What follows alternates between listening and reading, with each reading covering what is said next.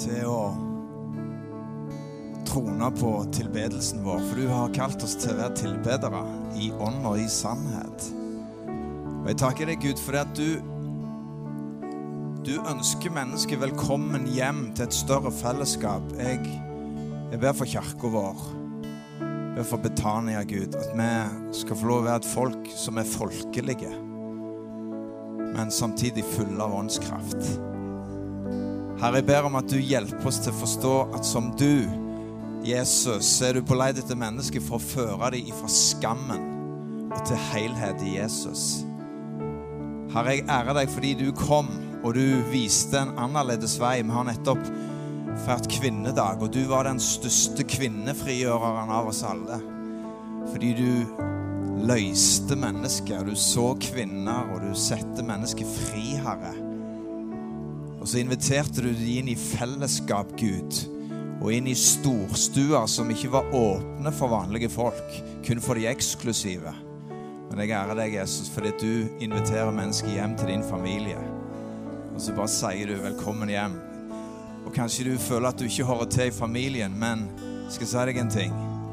Guds familie er så mye større, for han har kalt alle sine barn. Og Derfor er det plass til meg, Gud, i den familien.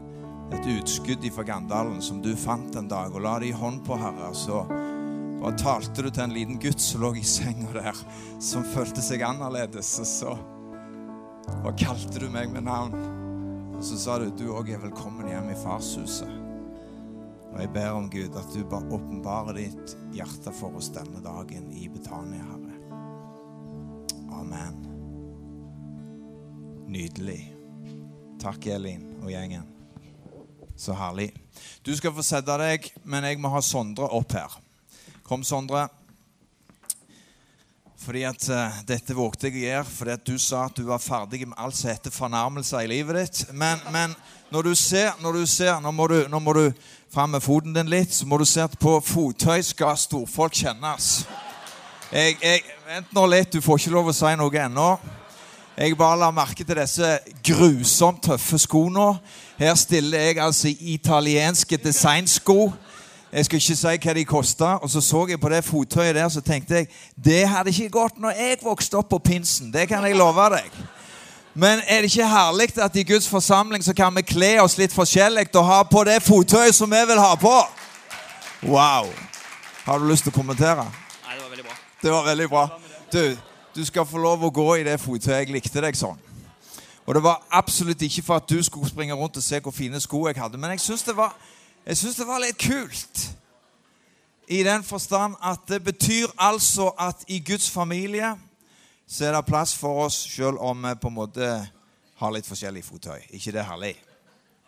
Så det er det jeg faktisk skal Jeg skal ikke prege om fottøy i dag, men jeg skal, jeg skal rett og slett forsøke å si noe fornuftig om at Jesus han, han gjør noe med oss. Og det kommer en liten heading opp her over meg som sier noe om at det jeg skal prøve å si noe om i dag, det er fortsatt det som har med identitet å gjøre. Men teksten i dag handler om ifra skam til helhet.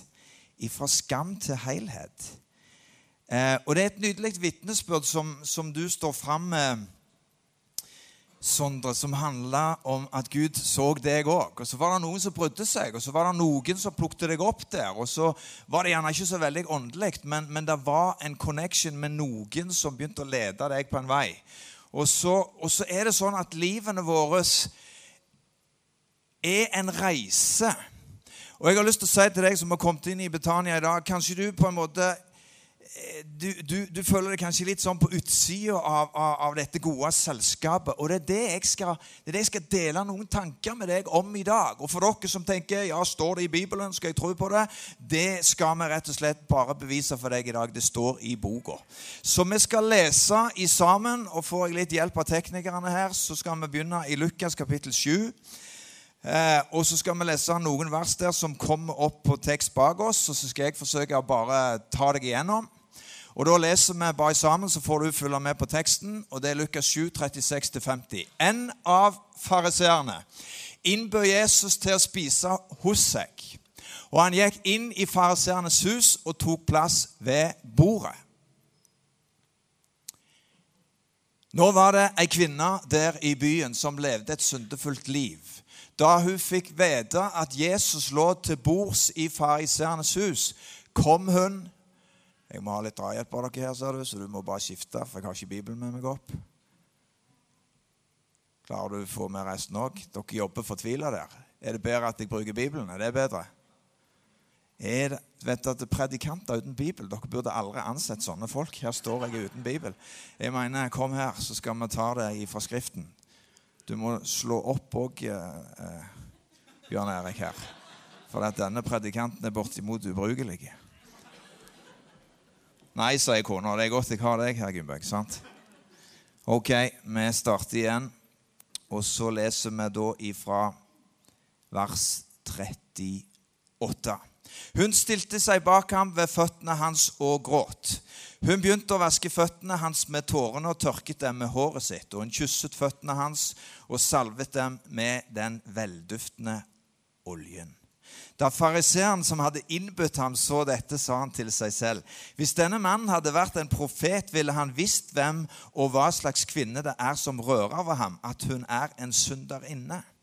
Jesus svarte ham, 'Simon, jeg har noe å si deg.' Han svarte, 'Mester, si det.'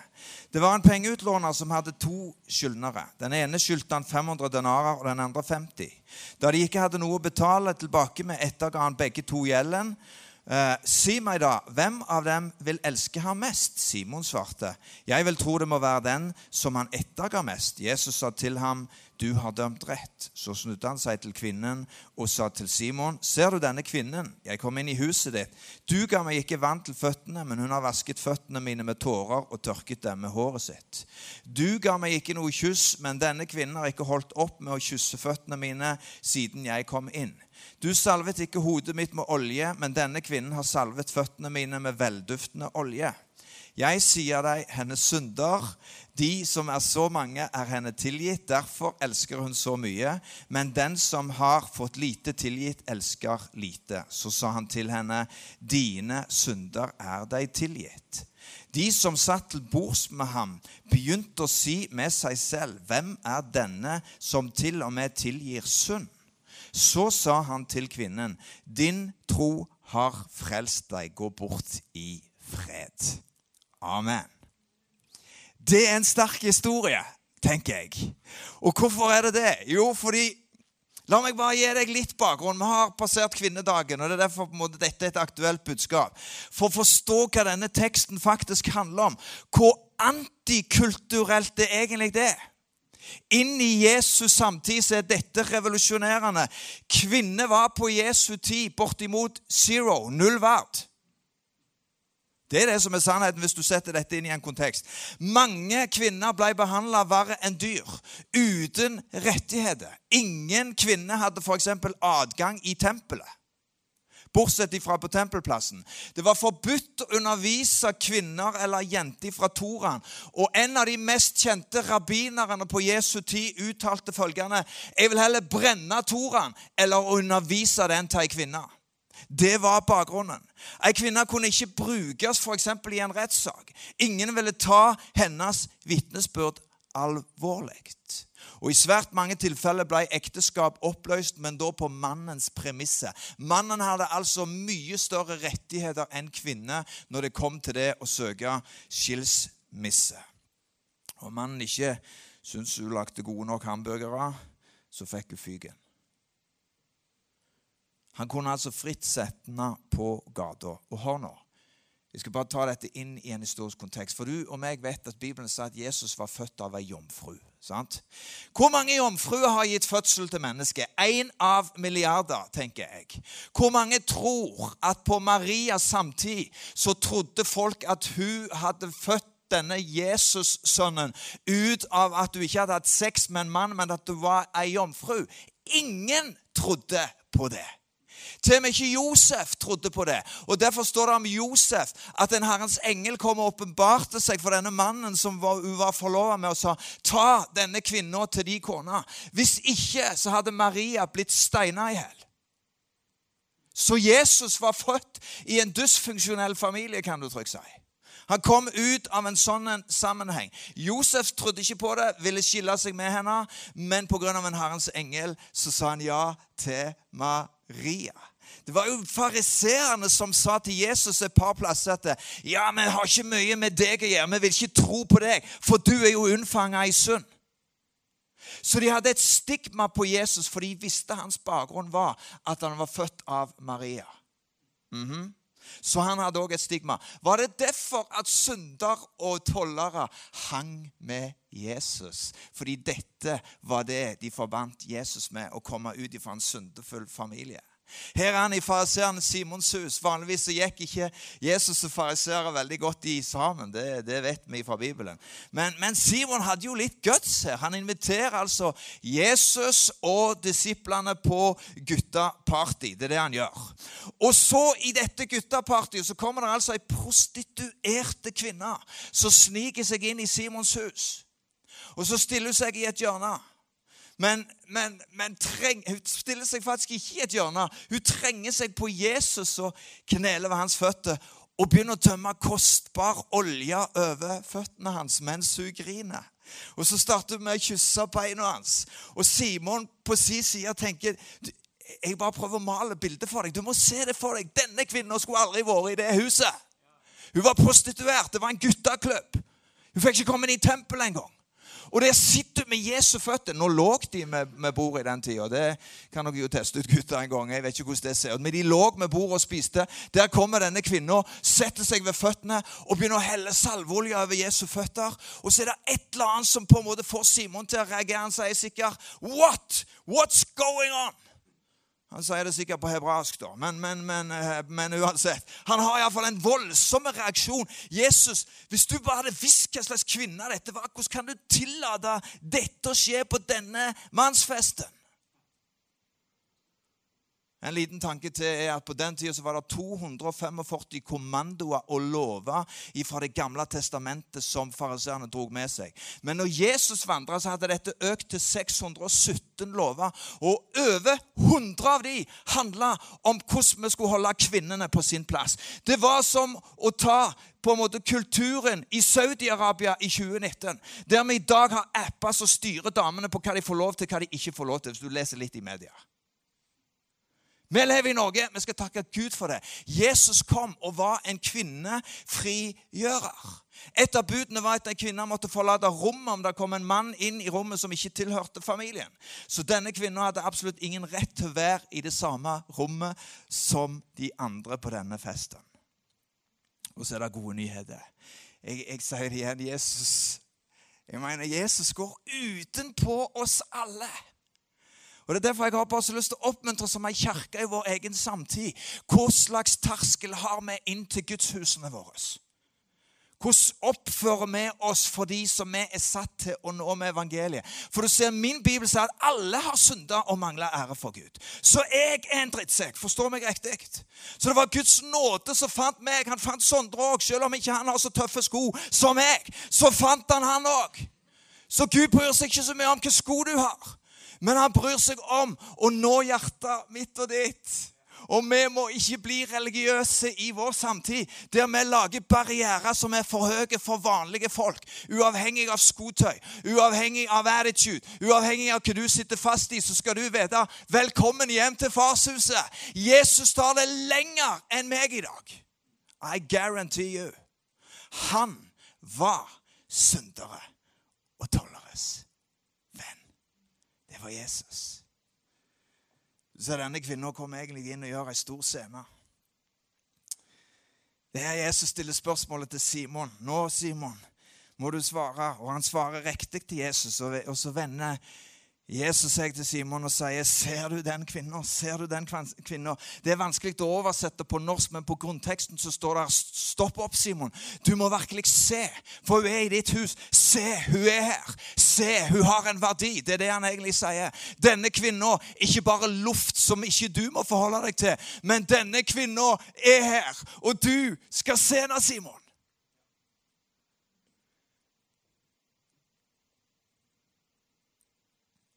Jeg kom inn i ditt hus, som jeg leste i teksten her, og du ga meg ikke vann til føttene. Det var for øvrig en av lovene som skulle overholdes.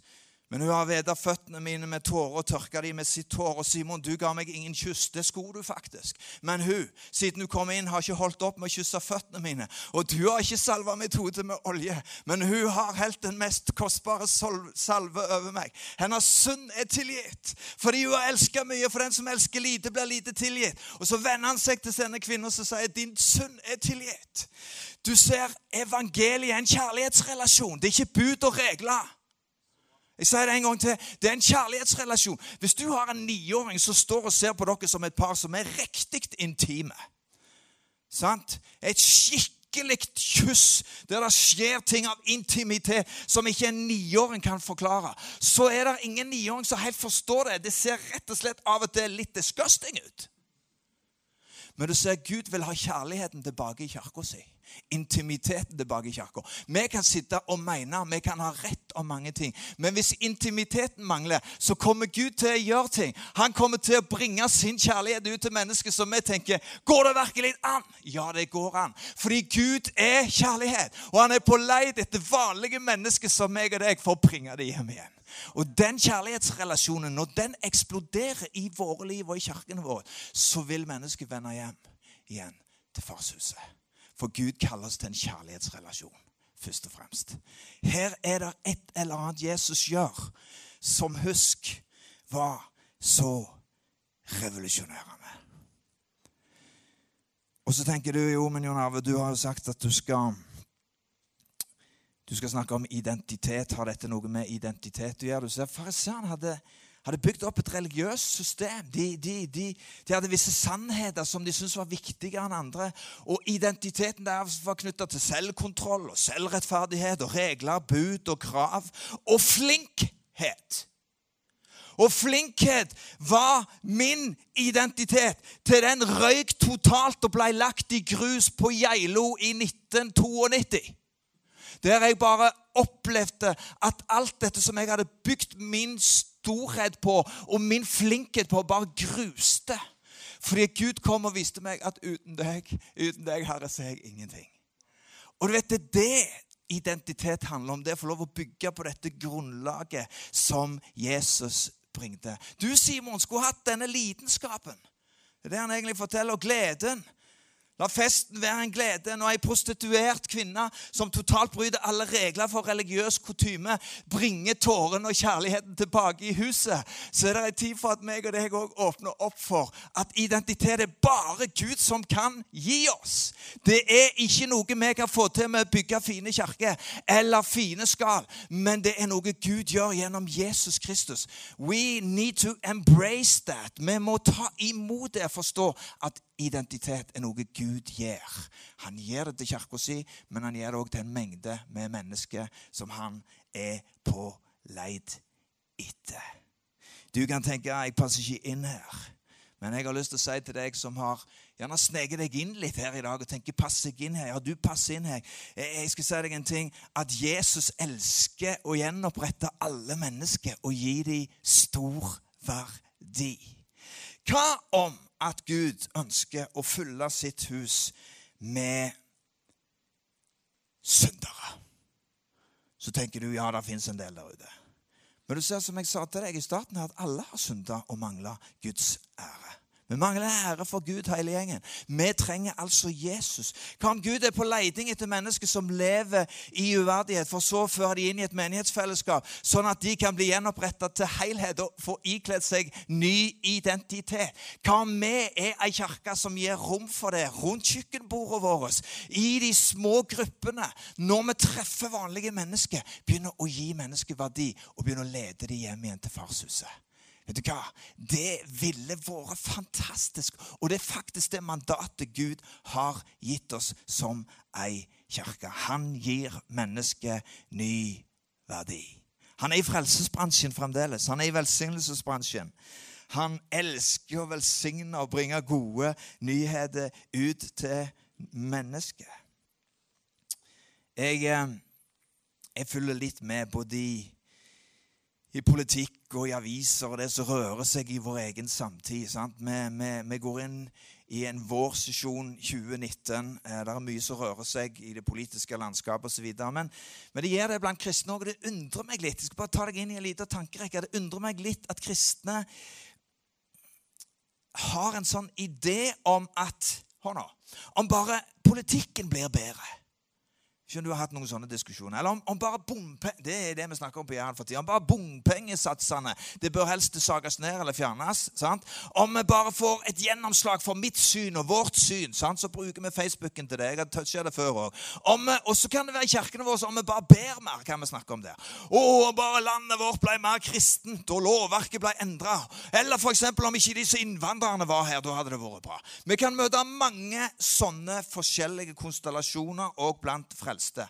Men hør Gud har aldri bedt deg om å frelse Norge. Forstår meg riktig. Han har ikke bedt meg heller om det. Fordi det har han ordna med sjøl. Så meg og deg er egentlig i beste fall postbud for et bedre budskap enn det du prøver å frelse Norge med. Hvis du tror at det er bompengene som kommer til å endre Norge, eller at alle innvandrerne flytter ut, eller whatever, skal ikke slå politisk mynt på noe, så har vi bomma på evangeliet. For evangeliet er gode nyheter om at han allerede har gjort det.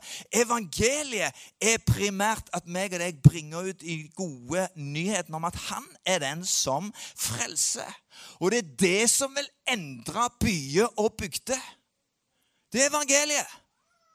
Det blir ikke mer moderne i 2019 enn det var for 2000 år siden. Det er Jesus som endrer samfunn. Det Jeg er i pinsekirke.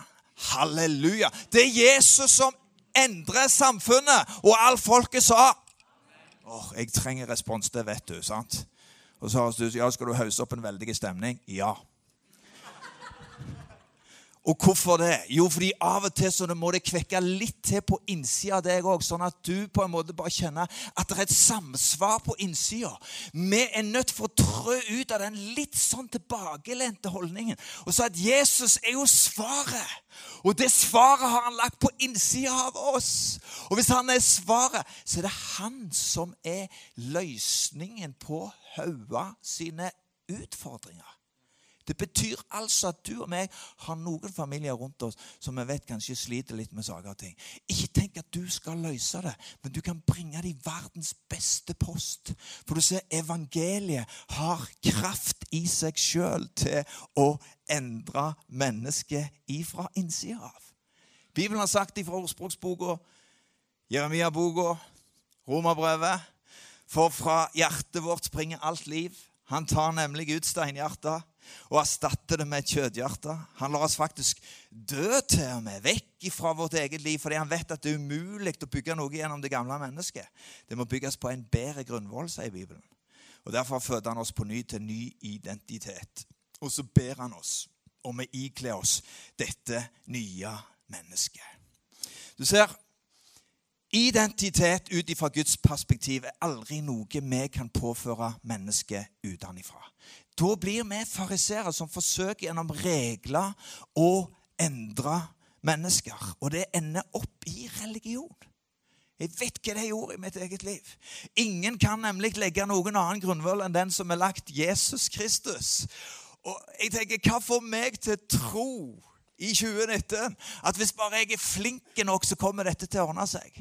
Hvis vi bare på en måte får folk til å forstå at de stemmer på det rette partiet, eller gjør de rette tingene Vi ble jo fariseere, vet du. Og de bygde bare flere regler, de.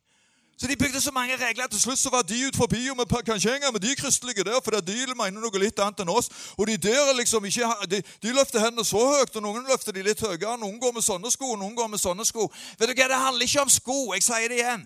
Det handler om hjertet vårt. Det handler om at Gud vil ha tak på hjertet vårt. Han endrer mennesket innenfra og ut. Og den dagen meg og deg, hvis det der klikker inn i oss, så skjønner vi ja, men det er jo av nåde. Det er jo av nåde.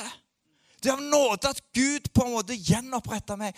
Og den nåden skal du få lov å være en ambassadør for. Og jeg tror ikke Norge er stengt for nåde. Jeg tror ikke Norge er stengt for dette gode budskapet. Det som stenger i beste fall, det er vår religiøsitet som setter Bibelen inn i en spesifikk ramme som passer i mitt hode. Og så handler det egentlig om en legalisme som tror at det handler om at hvis bare jeg tar meg sammen gjør de rette tingene, så kommer Gud til å bli fornøyd. Og vi havner i problemet hos den hjemmeværende sønn. Mens kirka er noe fantastisk det er noe som bringer denne nye identiteten ut. Det ikles oss ovenifra.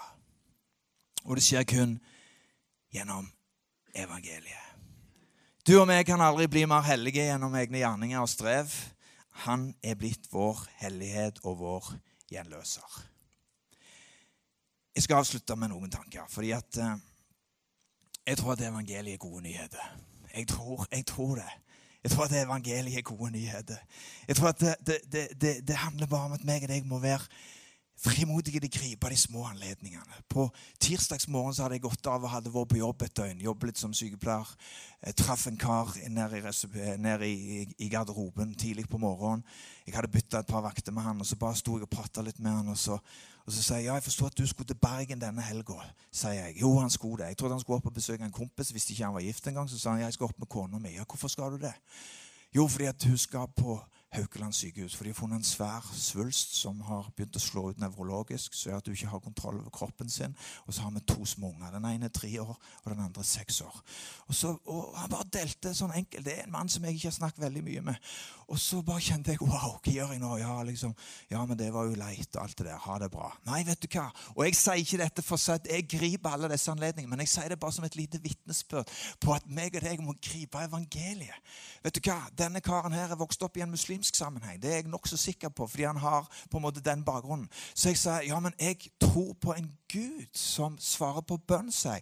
Er det ok at jeg kan få lov å be for deg og familien når du reiser? Og så så jeg bare at han ble litt sånn litt sånn Wow, dette var wow. Akkurat mest så jeg følte jeg hadde trådt litt under. Men så så jeg bare at plutselig så bare smelta det noe i han. Så sa han, vet du hva, jeg tror ikke lenger. Jeg trodde en gang, sa han til meg. Så sier jeg ja, men vet du hva, det er ikke farlig. Jeg tror at det fins en pappa som, som, hører på bønn. Så hvis det er ok, kunne jeg fått navnet på, på kona di òg, så kan meg og Gunnbjørg når jeg kommer hjem, bare be for dere. Og så var det som om det var bare som ei ildkule som traff i magen på han når vi sto der. Og han bare åpna opp garden.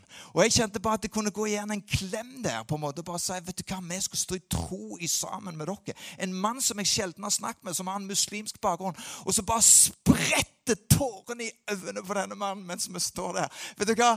Gud elsker vanlige mennesker. Ja, men er han ikke muslim? Min bibel sier at Gud døde for alle mennesker. Og min Jesus er på leit etter mennesket. Og vi kan i vår religiøse forståelse si ja, men liksom, dette er rammen. Det får da være grenser. Du ser, du, du, kan ikke forandre mennesket utenfra til å bli hellige nok til å komme inn i dette lokalet. Så hellige kommer de aldri til å bli. Det er derfor Bibelen sier at vi må, vi må bytte ut den helligheten med en hellighet som Gud har behag i. Og den helligheten har et navn, og det er Jesus. Og det er evangeliet. Og han tar mennesket ifra skam. Og så bringer han inn helbredelse og helhet. Og han vil gjøre det med hundrevis av mennesker. Jeg tror faktisk at menighetens beste tid kommer nå. Jeg tror at det kommer et rop etter familie, kommer et rop etter verdier. kommer et rop etter det du kanskje tenker ville vært så viktig å få på plass. Bare vi får på plass, hadde folk fulgt Bibelen osv. Det er helt rett, men du får ikke folk til å følge Bibelen gjennom loviskhet. Du får folk til å følge Bibelen når han som er Bibelen, flytter inn på innsida. For det er han som har kraften i seg til å endre mennesket. Amen. Og det er det budskapet handler om i kveld. Jeg tror i kveld, sa jeg i formiddag. Jeg tror at Gud er på lei etter å gjenopprette mennesker, gi dem ny identitet. Han vil gi mennesket ny identitet. Og han vil gi det til muslimer, til buddhister, til svarte og hvite og grønne og gule. Whatever. Uansett hvordan de ser ut, så er Gud på leit etter mennesker og sier velkommen hjem igjen. Velkommen hjem til farshuset. Velkommen hjem, du som kjenner at du gjerne har sett deg litt på utsida, for du føler ikke helt du passer inn. Fordi skofargene skofargen er forskjellige, eller at uttrykket ditt er litt annerledes, eller at du ikke er vant med å gå i ei pinsekirke. Jeg har lyst til å si til deg, du er så velkommen hjem. Hvis Jesus passer inn i et selskap hos fariseere og lar ei prostituerte kvinne betjene seg, så skal jeg si deg en ting. Du er så velkommen hjem til farshuset. Og ei sånn kirke ønsker vi å være. Vi skal være ei sånn kirke som senker terskelen til vanlige folk, sånn at de skal få lov å kjenne seg velkommen hjem. Fordi det er ikke vi som gjør identitet til mennesket. Det er det han som gjør. Og alt folket sa amen. Da kan du få lov å reise deg. Takk, Jesus. Så skal Marita komme opp her og stå på siden av meg. For nå skal du få lov å bare ganske straks bare lede oss over i en avslutning. Men, men, jeg har lyst til å bare be ei bønn for deg. Og så vet jeg at det blir mulighet til, til å bli betjent i dag. Vet du hva? Dere skal få kraft i det Den hellige ånd kommer over dere. Dere skal være mine vitner.